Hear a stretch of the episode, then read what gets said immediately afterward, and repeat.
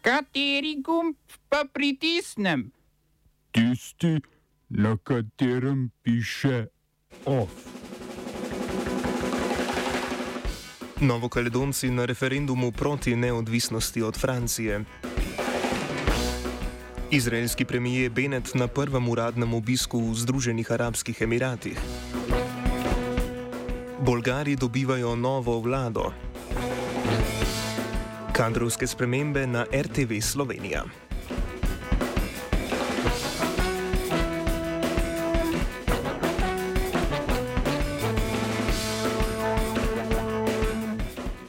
Prebivalci francoske kolonije Nova Kaledonija so na nedeljskem referendumu z 90-odstotno večino zavrnili neodvisnost. Tretjega referenduma o neodvisnosti Nove Kaledonije od Francije in vzpostavitvi popolne suverenosti se je udeležila manj kot polovica volivnih upravičencev. Tako prepričljiv rezultat je predvsem posledica poziva podpornikov neodvisnosti k bojkotu referenduma. K bojkotu so pozvali, ker so prepričani, da so referendumsko kampanjo onemogočali epidemiološki ukrepi. Francoski premijer Emmanuel Macron je rezultate referenduma pozdravil in sporočil, da je Francija zaradi rezultata lepša. Na prvih dveh v letih 2018 in 2020 so voljivci z nekaj odstotki prednosti zavrnili neodvisnost. Nasprotniki neodvisnosti nadaljno skupno prihodnost Francije in Nove Kaledonije bolj kot zaradi prijateljskih odnosov podpirajo zaradi gospodarskih interesov. Poleg tega, da je Nova Kaledonija eden največjih verov niklja, je za Francijo pomembna tudi njena strateška lega. Omogoča ji položaj Indo-Pacifiške sile. Trije referendumi o neodvisnosti neodvisnosti so bili del sporazuma med Parizom in največjimi strankami, ki je bil sklenjen leta 1998.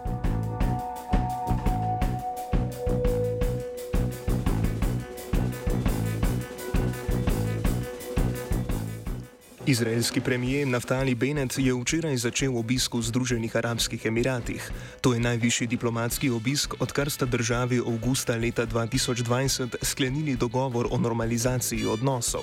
Temi srečanja bosta krepitev gospodarskih odnosov med državama ter skupno preprečevanje širjenja vpliva Irana v regiji. Oblasti obeh držav močno nasprotujeta širjenju jedrskih sposobnosti Irana ter dvomita v izjave iranske vlade, da bi jedrski program obstajal le z mirnimi nameni.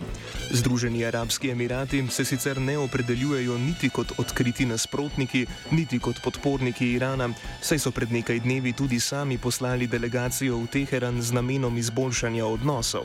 Izrael se postavlja na stran najbolj trdnih nasprotnikov Irana ter poziva k zaustavitvi srečanja evropskih sil na Dunaju glede iranskega jedrskega sporazuma.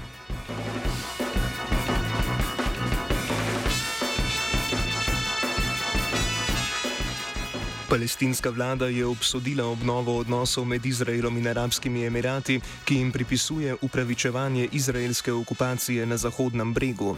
Danes je v mestu Nablus izraelska vojska ubila palestinca. 31-letni palestinec je bil ustreljen v obračunu z izraelsko vojsko, ki trdi, da mu je zasegla polavtomatsko orožje.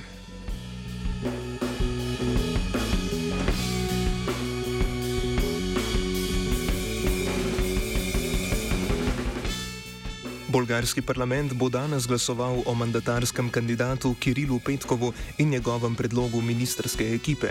Petkovu se v parlamentu obeta podpora strank nove koalicije, v kateri poleg njegovega antikorupcijskega zavezništva nadaljujemo spremembe, sodelujejo tudi socialistična koalicija za Bolgarijo, populistična stranka Obstaja takšen narod in pa desno-sredinska demokratična Bolgarija. Koalicijske partnerice povezuje predvsem nasprotovanje nekdanjemu premijeju Bojku Borisovu, ki ga obtožujejo koruptivnosti. S tem se v Bolgariji po tretjih parlamentarnih volitvah v enem letu tudi končuje politična kriza. Petkov poleg boja proti korupciji kot prioriteti bodoče vlade izpostavlja tudi pospešitev cepljenja proti bolezni COVID-19, ki je bilo do sedaj najmanj uspešno v Evropski uniji, in pa omejevanje posledic rasti cen energentov.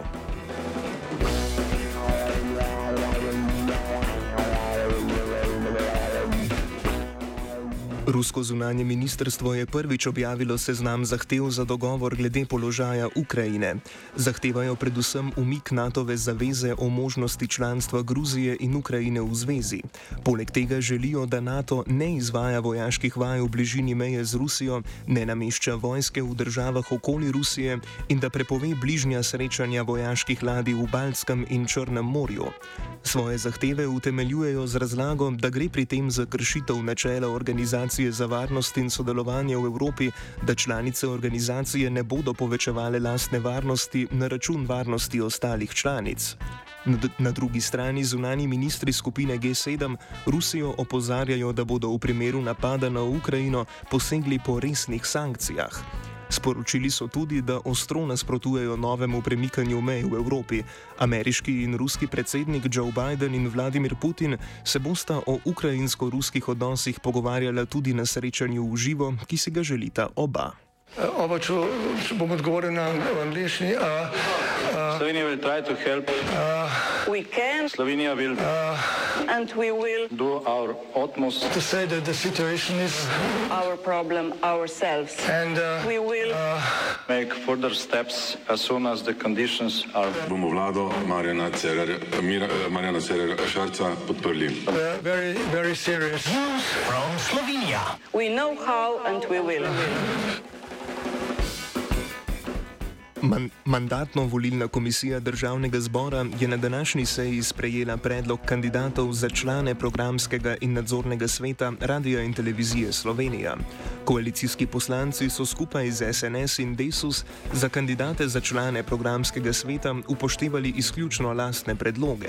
Opozicijski poslanci opozarjajo na spornost in, in celo nezakonitost takšne odločitve komisije. Zakon namreč določa, da mora državni zbor v največji možni meri upoštevati zastopanost strank v državnem zboru. Poleg tega so na seji sprejeli tudi kandidate za člane programskega sveta iz kvote civilne družbe in pa kandidate za člane nadzornega sveta RTV. Velika večina kandidatov je v vladajoči koaliciji in verjetno ne bo nasprotovala aktualnemu generalnemu direktorju RTV Andreju Grahu Watmovu. Med imeni najdemo nekdanjega poslanca SDS Jožefa Jerovška, kolumnista Nove 24 Mateuža Tomšiča in pa Mitjo Čandra. O predlogih bo državni zbor najverjetneje odločal v četrtek.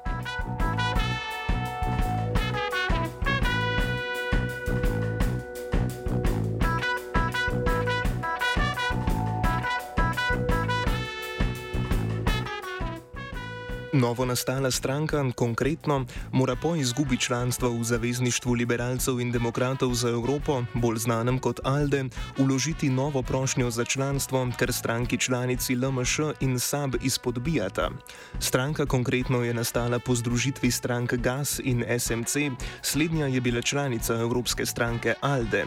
Stranka konkretno se je na prvem strankarskem kongresu oklicala za zaščitnico slovenskega liberalizma in zato želi ponovno vstopiti v vodilno liberalno zavezništvo v Evropski uniji. V soboto je vrh stranke Alde zasedal v Rimu, kjer sta stranki Sabi in LMŠ, ki sta prav tako njeni članici, izpostavili, da je nekdani SMC s svojim sodelovanjem v desni vladi Janeza Janše opustil svoje liberalne vrednote in zato za njegovo naslednico konkretno ni prostora v zavezništvu. Že pred združitvijo strank GAS in SMC sta stranki SAB in LMŠ želeli vložiti pritožbo o članstvu SMC v ALDE. Zadeve SAB razloži generalni sekretar Jrnej Pavlič. Stranka SAB je posredovala dopis, da se stranko SMC, nekdanja stranko, ki ne obstaja več, izključi iz liberalcev in demokratov Zavezništva Evrope, zato ker pri svojem delovanju v tej koaliciji ni varovala samih vrednot uh, Aldeja in dejansko je pripomogla k temu, da so se nekatere vrednote rušile, medtem ko je tudi predsednik vlade oziroma predsednik te koalicije blatil celotno skupino Alde z pokojnim nekdanjim predsednikom Hansom Van Balnom na čelu. Tako da po našem mnenju stranka SMC s svojim delovanjem v tej koaliciji ni bila več primerna za planstvo v Alde. S tem, ko so stranko ukinili, pa je praktično kongres Aldeja ugotovil, da stranka SMC ne obstaja več in s tem je prenehalo tudi članstvo v grupaciji Alde. Ovsta pripravila vajenca Blaž in Jan, mentor je bil srčan.